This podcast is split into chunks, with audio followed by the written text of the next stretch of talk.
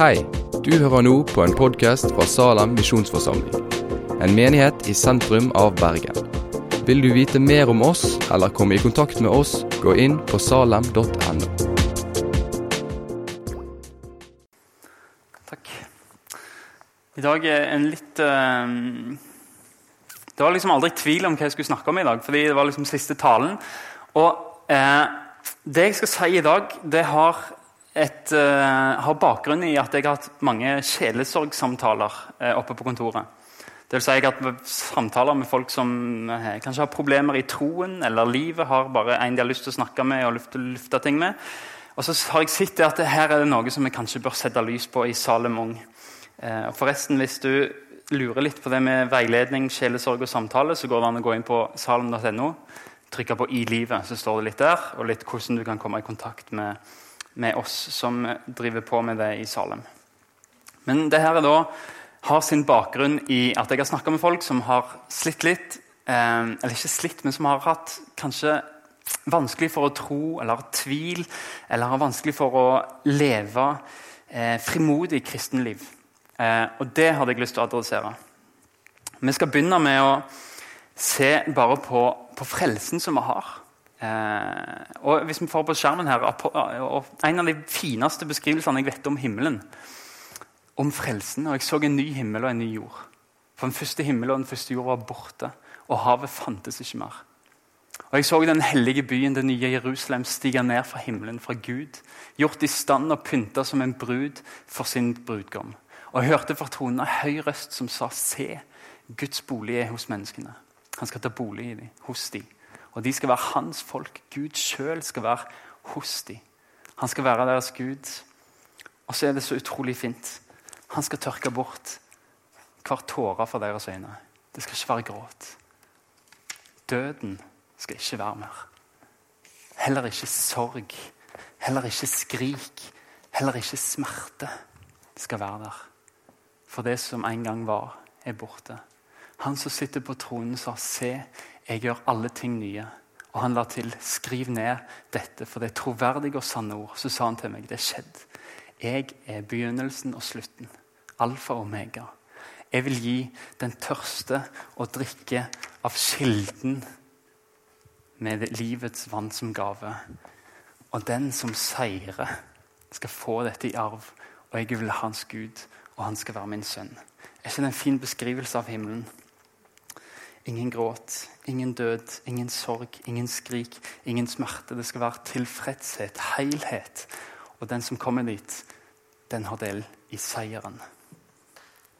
En utrolig fin beskrivelse av himmelen. En fantastisk beskrivelse å se fram mot. For en frelse der alle konsekvenser av synd og urettferdighet de er borte. For Gud, Gud har skapt en rettferdig plass. Og Så kaller Jesus dette for 'min fars hus'. Og Jesus sier La ikke hjertet bli grepet av angst. Tro på Gud og tro på meg. I min fars hus er det mange rom. Var det ikke sånn, så hadde jeg, hadde jeg da sagt til dere at jeg går og vil gjøre i stand et sted for dere. Og når jeg har gått bort og gjort i stand et sted for dere, så vil jeg komme tilbake og ta dere til meg. Så skal dere være der jeg er. Og dit jeg går, vet dere veien. Thomas sier til han, 'Herre, vi vet ikke hvor det går.' Hvordan kan vi da vite veien? Jesus sier, 'Jeg er veien, sannheten og livet.' Ingen kommer til Faderen uten meg. Det Jesus sier, det er at i himmelen, der det ikke smerte, skrik eller gråt eller noe, der har jeg lagt i stand en plass for den som tror. Bare slapp av, jeg kommer tilbake. Men Jesus sier, 'Jeg har bygd et rom til den som tror'. Der har jeg gjort klart til dere, og dit er jeg veien. Et rom der det ikke er smerte, ikke sorg, ikke død, ingen skrik, ingen smerte, ingen gråt. Der du er tilfreds, der du tar del i seieren. Dit har jeg gitt et rom. Dette har Jesus gjort klart til den som tror. Og Peter han skriver «Lova være Gud, vår Herre Jesu Kristi Far. Han som i sin rike miskunn har fått oss på ny til et levende håp. Dette er et levende håp, det er ikke noe dødt noe. Til en arv til en arv som aldri forgår, aldri visner, aldri skitnes til, aldri forgår. Det er frelsen. Og så sier han denne ligger alt ferdig. Det er klart. Det er ingenting du trenger å gjøre. Og det eneste du får, eller eneste du trenger for å ta imot, det er å tro. Dette er bare nåde. Og Paulus sier når jeg dør, så har jeg dette i Jesus. Jeg, når jeg dør, sier Paulus, så skal jeg ta imot seierskrona. Jeg skal ta imot dette av bare tro. Jeg er klar for å dø, for dette har jeg uansett når jeg tror på Jesus. Dette er klart, det er ferdig, det er fullbrakt. Det kan ikke visne, det kan ikke skitnes til, det kan ikke få gå. Den ligger alt ferdig for å bli åpenbart ved tidenes ende. Hebreerbrevet kaller dette for et trygt anker for sjelen. Dette er et trygt anker. Et trygt og et fast anker. Men hvordan kan vi ta imot dette? Hvordan kan vi fordele i dette når vi ser det? Det er helt utrolig. Ingen gråt, ingen smerte, ingen død. Den ligger helt klar. Det kommer aldri til å visne. Kan ikke skitnes til, kan ikke forgå. Og vi får ta det imot i tro, sier Bibelen.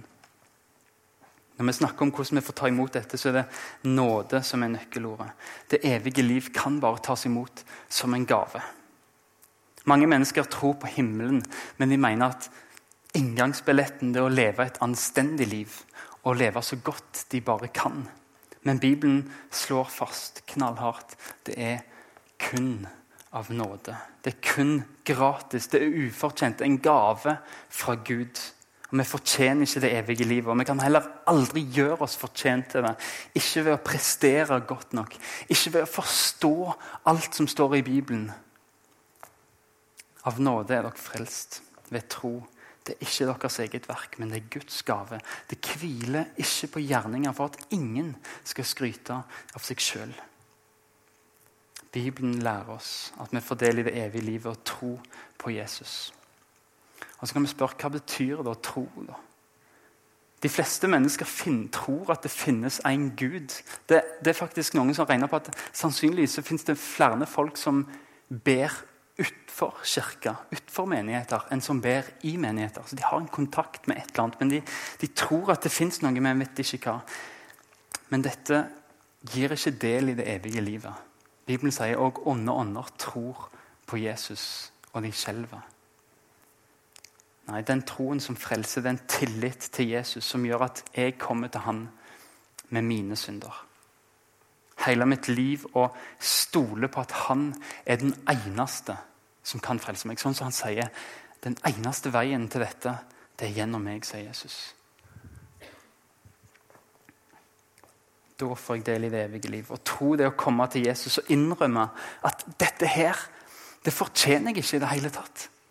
Jeg er ikke god nok for dette her. Jeg, jeg, jeg passer ikke inn en plass sånn fordi jeg vil ødelegge en sånn plass med min synd. Hvis jeg hadde kommet til himmelen sånn som jeg er, så hadde det ikke vært himmel lenger, fordi jeg hadde vært der jeg er urettferdig, en synder. Å tro er å komme til Jesus, innrømme at en ikke fortjener dette, og bli tilgitt og få det i gave. Å tro det er ikke en prestasjon som vi skal greie, men å komme til Jesus og fortelle alt du ikke greier. Troen er ikke noe vi skal føle, det er ikke noe vi skal prestere. Men når vi innser at Jesus, dette greier jeg ikke tro, dette greier jeg ikke prestere, jeg greier ikke fortjene dette. Og når vi innser det, så begynner vi å lete hva det som kan berge oss. Å tro på Jesus det er å bare dette på han, falle på Jesus og si ingenting, Jesus kan hjelpe meg. Ikke engang meg sjøl på mitt aller beste kan hjelpe meg, Jesus. Kan du hjelpe meg? Det er det eneste vi trenger å gjøre. Komme til Jesus og si 'Jeg har ingenting å bidra med, Jesus. Kan du hjelpe meg?' Kan du hjelpe meg? Det er alt vi skal gjøre. Resten har han gjort. Den som kommer til Jesus, får del i dette. Får del i den gaven. får del i det håpet som aldri visner, aldri skitnes til, aldri forgår. Og kan jeg få si én ting? Jeg har ikke så veldig stor autoritet til å begynne å beskrive hva fortapelsen er. Men denne har veldig stor autoritet til å beskrive hva fortapelsen er. Og det er en plass der, der Gud ikke der Gud ikke får påvirke noen ting. Vet du hva? Det er motsatte av her. Fortapelsen den er full av gråt. Den er full av død. Den er full av sorg. Den er full av skrik. Den er full av smerte. Du blir aldri mett. Og det er tap. Et evig tap. Jeg har ikke så stor autoritet til å beskrive fortapelsen, men Bibelen beskriver det som en plass der Gud ikke får være, ikke får påvirke. Bibelen lærer oss altså at dette har vi del i. Når vi tror på Jesus, så har vi den frelsen. Vi har den allerede. Men Bibelen forteller om et allerede, det vi har, men et ikke ennå. For vi vet at vi lever et liv her på jord som ikke er som himmelen. Vi vet at her på jord så er vi preget av syndens konsekvenser. Av vår egen synd, av vår andres synd, av dårlige valg som vi gjør. Dårlige valg som andre gjør. Vi har del i denne frelsen, og vi tror på Jesus. Men vi har ikke fått den helt ennå i fullt mål. Fordi vi lever ennå i en syndig verden, og vi er fortsatt syndere. Bibelen snakker om, om kristenlivet som, som en vei til tider. Vi lever her borte, og så er vi på vei mot himmelen. På vei mot frelsen som, som, som ligger klar for oss. Og Det er det kristenlivet handler om. Å, å, å bli det vi allerede er der borte. Og så der borte er jeg rettferdig. Der borte er jeg fri for synd. Og så skal vi prøve å bli det. Vi vet at vi kommer til å falle, men, men det er en del av kristenlivet å prøve å bli det. Bli rettferdige. Og Gud forvandler oss til å bli mer og mer lik det. Men det er, en prosess som går hele livet. Av og til så går det fort fram, av og til så går det sakte fram. Av og til så går det til og med bakover, kan det iallfall føles ut som. Vi lever altså på denne veien her. Og så er det sånn at Vi mennesker ikke er perfekte i det hele tatt. Vi synder. Vi gjør ting som, som, som vi vet er feil. Og så blir vi gående og bære rundt på, på sånne byrder. Og vi kommer til kort mot det bildet der borte der vi ser at der, der er det ingen synd. Syndens konsekvenser er ikke der. Og vi kommer litt til kort og innser at vi greier ikke det der. Men Bibelen legger faktisk aldri skjul på det der. At vi ikke er perfekte. Bare hør hva som Paulus skriver i Galaterbrevet. Jeg sier dere, lev et liv i ånden. Da følger dere ikke begjæret i menneskets kjøtt og blod. For kjøttets begjær står imot ånden, åndens begjær står imot kjøttet. Disse ligger i strid med hverandre, så dere ikke kan gjøre det dere vil. Når vi blir kristne, så blir det født et nytt liv inni oss. Det blir skapt et nytt liv. Et liv som egentlig hører hjemme der framme. Men Paulus understreker at det gamle livet i oss det lever fortsatt i beste velgående. Det er det som blir frista, og det er det som vil synde. Disse to lever i en stadig kamp. Og så sier Paulus de lever i en stadig kamp sånn at dere til og med ikke kan gjøre det dere vil. En annen plass beskriver han det som jeg vet at loven er av ånden, mens jeg er av kjøtt og blod, solgt av slave til synd. For jeg forstår ikke hva jeg sjøl gjør. Det jeg vil, det gjør jeg ikke. Og det jeg avskyr, det gjør jeg.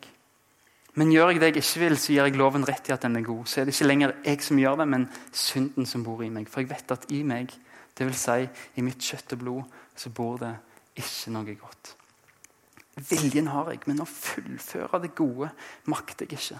Den gode som jeg vil, det gjør jeg ikke. Men det onde som jeg ikke vil, det gjør jeg. Men gjør jeg det jeg ikke vil, så det er ikke jeg som gjør det, men synden som bor i meg. Jeg finner altså at denne loven gjelder. Jeg vil gjøre det gode, men jeg kan ikke annet enn å gjøre det onde.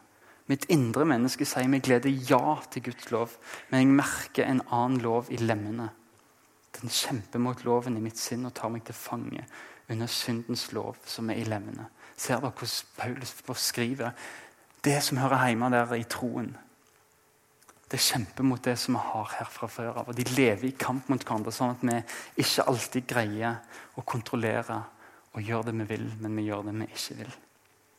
Bibelen ser med andre ord ikke gjennom fingrene på dette. Den vet at det å være kristen det handler om å leve i en kamp mellom det å være frelst og det er å være synder. Og vi faller ofte. Jeg har prøvd å tenke på når vi faller, når vi synder, når vi fyller opp denne sekken her med forskjellige boss, så har jeg tenkt det er tre måter vi som kristne kan leve på. Vi kan enten leve i fordømmelse, vi kan leve i synd, eller vi kan leve i nåde. Når vi lever i fordømmelse, så har vi fokus på alt det vi gjør galt. Vi vet at vi synder, og så fokuserer vi på, på synden. Det er som vi blir liksom orientert mot denne her hele tida. I stedet for å se hva vi har, så, så, ser vi heller hva er det vi gjør. Og så begynner vi liksom å ja, Se på meg, da. Jeg er jo ikke noen god. Se på alt dette her. Jeg har ikke sjans å se. Og så prøver vi å fikse alt sjøl, men det er bare et eneste stort kluss. Vi får ikke til. Vi fikser ikke det der kristenlivet. Og hvis vi hele tiden, ser det er så mye gale her. Det er jo, det er jo alt mulig her. og det er en sånn og det er en sånn og Det går bare Nei, jeg får ikke til det kristenlivet her. Vi kan leve i fordømmelse av oss sjøl. Jeg ligner ikke på det der borte i det hele tatt. Se på den synden her. Den, den gjør sånn med meg, og jeg, jeg greier det ikke. Vi får det ikke til, men vi glemmer det som er viktig. Vi glemmer det der borte. Det som Jesus sier dette har jeg frelst deg til. Det er dette du har. Vi lever hele livet kretsende rundt dette her. Vi lever i fordømmelse. Vi mister frimodigheten bare fordi vi ser på synden vår. Og så identifiserer vi oss med den og så sier vi dette er meg. Jeg får det ikke til. Og det kan være riktig, det. Men du glemmer en veldig, veldig viktig ting i den identiteten, og det er den identiteten Jesus har gitt deg. Du hører til der hjemme. Du er Guds barn. Jeg har frelst deg. Du er min. Du er uendelig verdifull. Her er jeg, se på meg, jeg er en dårlig kristen. Hvordan kan jeg fortsette på denne veien? Jeg kommer meg ikke forbi disse syndene her. Og Kanskje er det du sjøl som sier det til deg sjøl. Kanskje er det andre som sier det i måten de er med deg på. Kanskje er det djevelen som sier det til deg for å ta vekk frimodigheten din, og etter hvert for å ta vekk troa di. Jeg tror vi alle kan kjenne oss igjen i den måten å tenke på om synd Og vi lever i fordømmelse av oss sjøl. Vi lever i fordømmelse av andre. Men det er ikke en måte å leve på som Nytestamentet oppfordrer oss til å leve på. Å ha fokus på synd og feil, det er en rent menneskelig måte å leve på. Det er ikke en bibelsk måte. Dårlig samvittighet er bra, den, så lenge den fører oss til Jesus. Og vi blir tilgitt og vi blir rensa. Men hvis dårlig samvittighet og fokus på synd bare fører deg inn i mismot og inn i elendighet, der du mister frimodigheten og tenker 'jeg er ikke en god kristen', så er det ikke bra for oss. Vi kan leve i fordømmelse. Eller vi kan velge å leve i synd. Noen ganger så hender det at vi blir venn med synd. At det er komfortabelt. Vi, vet Bibelen forklarer det som galt, men, men, det er jo så greit. Trives jo egentlig med den synden. Jeg har ikke lyst til å bli kvitt den. Selv om Jesus har frelst oss, så, så klarer ikke vi å holde oss borte fra enhver synd. Men, men, hva er forskjellen på det å, å snuble inn i en synd eller eller det å fortsette med vitende vilje å gjøre den samme synden om igjen og om igjen. Mange snakker om, det å, om forskjellen på det å leve i synd og falle i synd. Det står noe om det i Bibelen. For I Det gamle testamentet så hadde de ordninger for hva en israelitt skulle gjøre når han synda. Da skulle han gå til tempelet i Jerusalem og så skulle han ofre et dyr til Herren. Og det skulle sone synden hans. Men så gjør Moseloven et unntak for synder som er gjort med oppløfta hånd. Sånne synder kunne ikke uten videre gjøres opp med et offer i det hele tatt. I visse tilfeller så kunne en som hadde synda med oppløfta hånd, eh, berge livet om han flykta til spesielle byer som ble kalt tilfluktsbyer. Noe som er et bilde på Jesus i Det gamle testamentet. Men Det gamle testamentet skiller altså på forskjell mellom å synde av vannvare, står det, og det å synde med oppløfta hånd. Og Vi kan se for oss en sånn trassig neve som er knytta i protest mot Gud. Det er ikke sånn vi skal leve. Luther brukte et spesielt bilde for å forklare litt. her. Han sa du kan hindre, eller du kan ikke nekte en fugl å fly over hodet på deg. Men du kan nekte den å bygge reir i håret ditt. Vi klarer ikke å hindre at synden overfaller oss i et øyeblikk. Det skjer med alle og enhver. Kanskje får den oss òg til å falle etter å friste oss. Men vi kan nekte synden i å ta langvarig kontroll over livet vårt.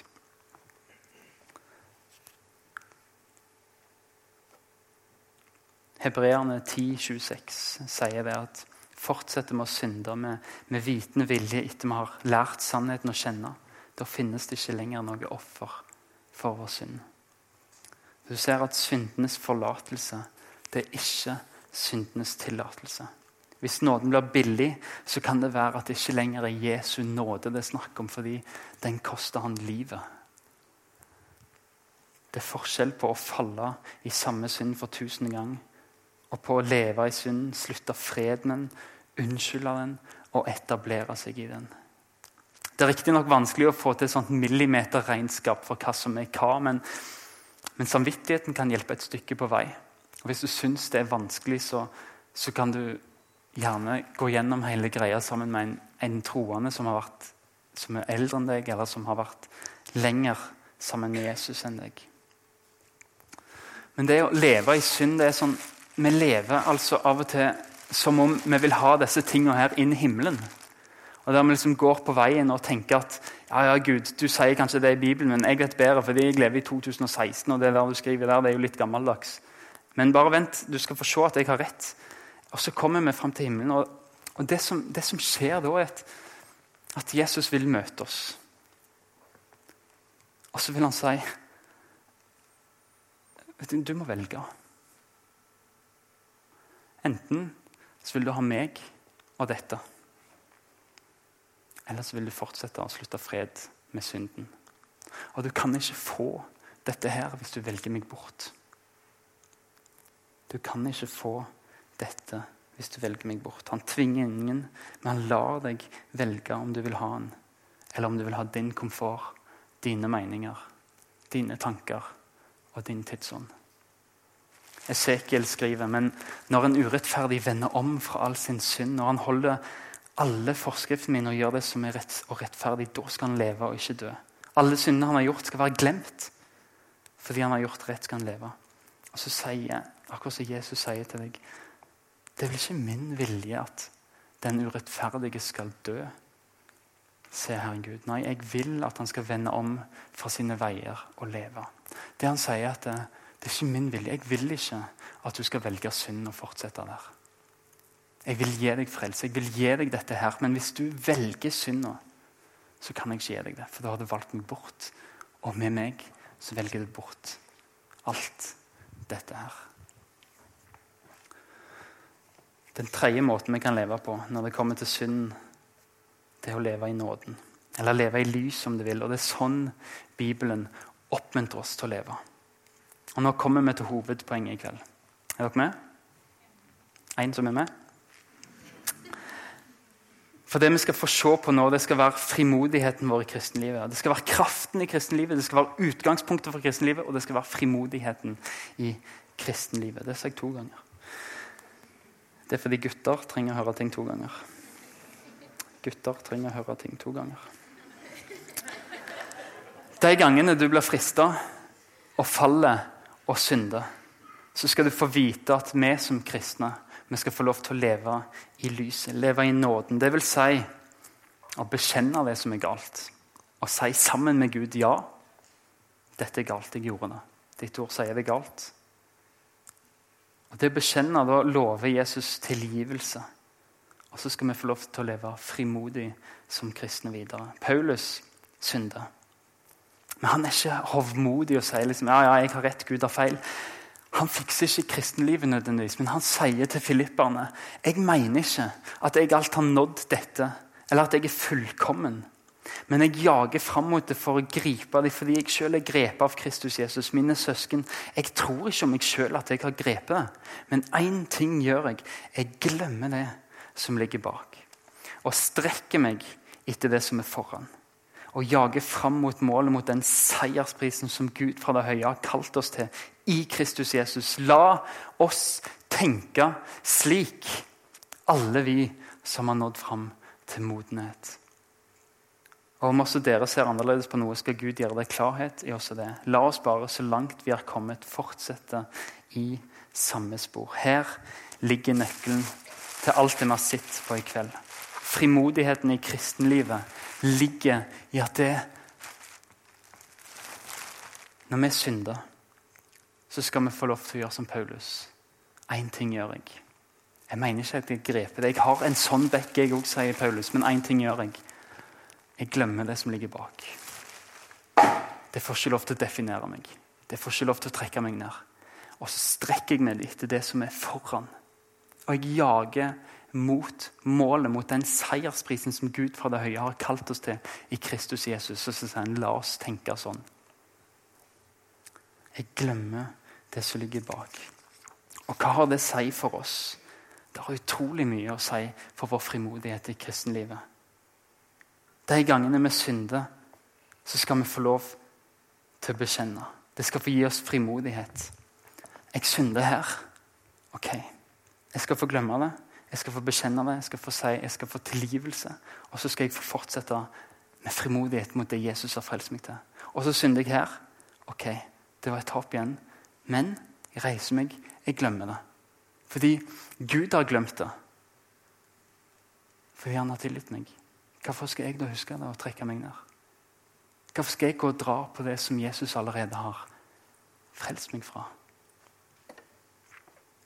Jeg faller jeg bekjenner, jeg tilgir og glemmer. Og så løfter jeg blikket, og så ser jeg OK, jeg synda Jesus. Og det som skjer da, det er at han viser deg at ja, du synda, men det jeg har gitt deg, det kan aldri få gå. Du er skitten, men det jeg har gitt deg, det kan ikke skitnes til. Kanskje visner du, kanskje glemmer du å vanne troen din, men det jeg har gitt deg, det vil ikke visne fordi du har fått det av nåde, og det ligger alt ferdig. Det er fullbrakt. Jeg har gitt det til deg. Det er vår frimodighet. Vi skal få løfte blikket. Jeg synder. Jeg får tilgivelse. Løfter blikket og ser den kransen. Den har ikke forgått. Den har ikke blitt skitten. Den har ikke visna. Den har ikke rusta. Den er akkurat sånn Jesus ga den til meg. Og det er nåde. Uansett hvor mye vi synder, så er det han gir oss, like stort. Det forgår ikke, det visner ikke. Det er å leve i lyset. Det er å leve i nåden. Derfor, når vi nå har en så stor sky av vitner omkring oss, så la oss legge av alt som tynger, og synden som så lett fanger oss inn, og med utholdenhet fullføre det løpet som ligger foran oss, med blikket festa på Han som er troens opphavsmann og fullender. Vi nekter ikke for at vi synder. Men vi lever i troen på at det som står i Bibelen, det er sant. Det er ingen fordømmelse for den som er i Kristus Jesus. Gud glemmer synden vår når vi bekjenner. Vi kan slippe han. Ikke ta han med oss, men forlate synden vår. Og fortsette mot seierskrona i himmelen, som fortsatt er uvisnelig, ikke skitna til, på tross av at alt du har gjort, og som ikke har visna, selv om du ikke har vanna troen din. Det er nåde. Johannes skriver dette er budskapet vi har hørt av Han og forkynner for dere. Gud er lys, og det finnes ikke mørke i Han. Sier vi at vi har fellesskap med Han, men vandrer i mørket? Altså ikke bekjenne, men ikke komme ut i lyset med syndene våre, men holder de på oss. Da lyver vi og følger ikke sannheten. Men dersom vi vandrer i lyset slik Han selv er i lyset, når vi bekjenner og lever åpent for Gud.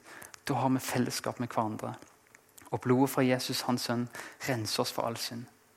Sier vi at vi ikke har synd, da bedrar vi oss selv, og sannheten er ikke i oss. Men dersom vi bekjenner våre synder, er Han trofast og rettferdig, så Han tilgir oss synden og renser oss for all urett.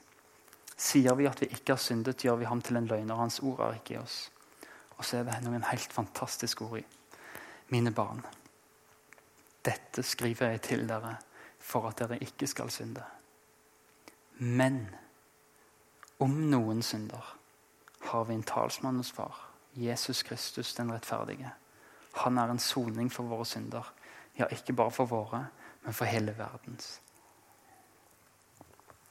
Bibelen kaller oss til å leve på veien med blikket festa på Jesus. Han som er troens opphavsmann, han som har skapt denne veien vi går på. Han som har gitt oss nådeveien og troens fullender.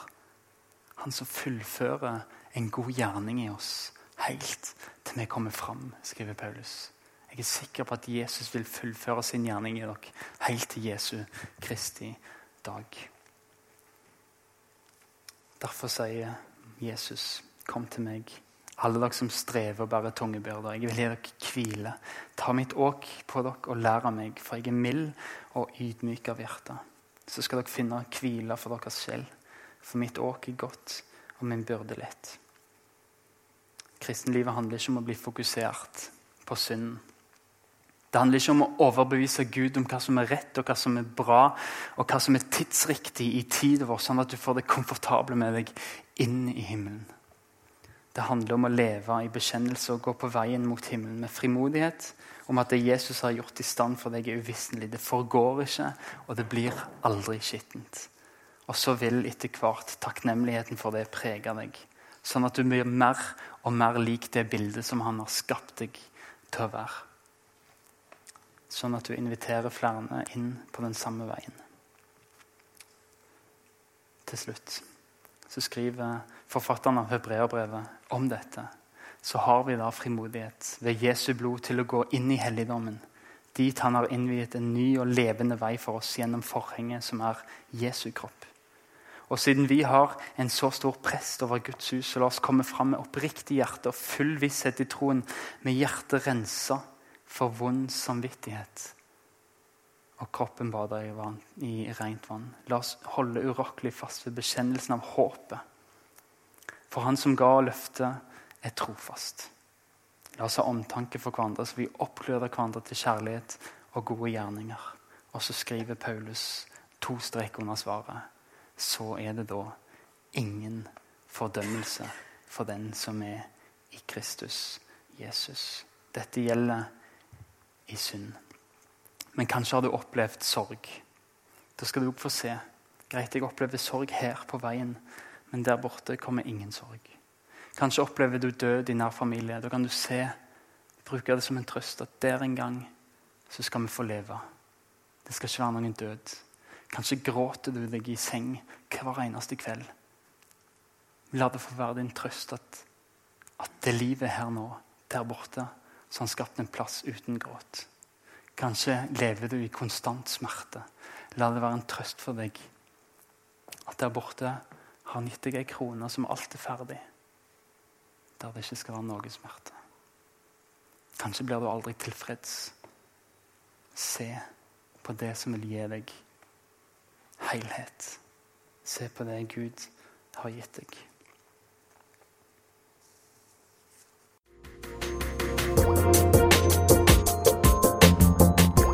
Takk for at du har hørt på podkasten fra Salem, Bergen. I Salem vil vi vokse i et stadig dypere fellesskap med Gud og med hverandre. Vi vil være Jesu hender og føtter, og vi vil være med å forkynne frelse for Bergen og resten av verden. Besøk oss gjerne på salem.no om du vil vite mer.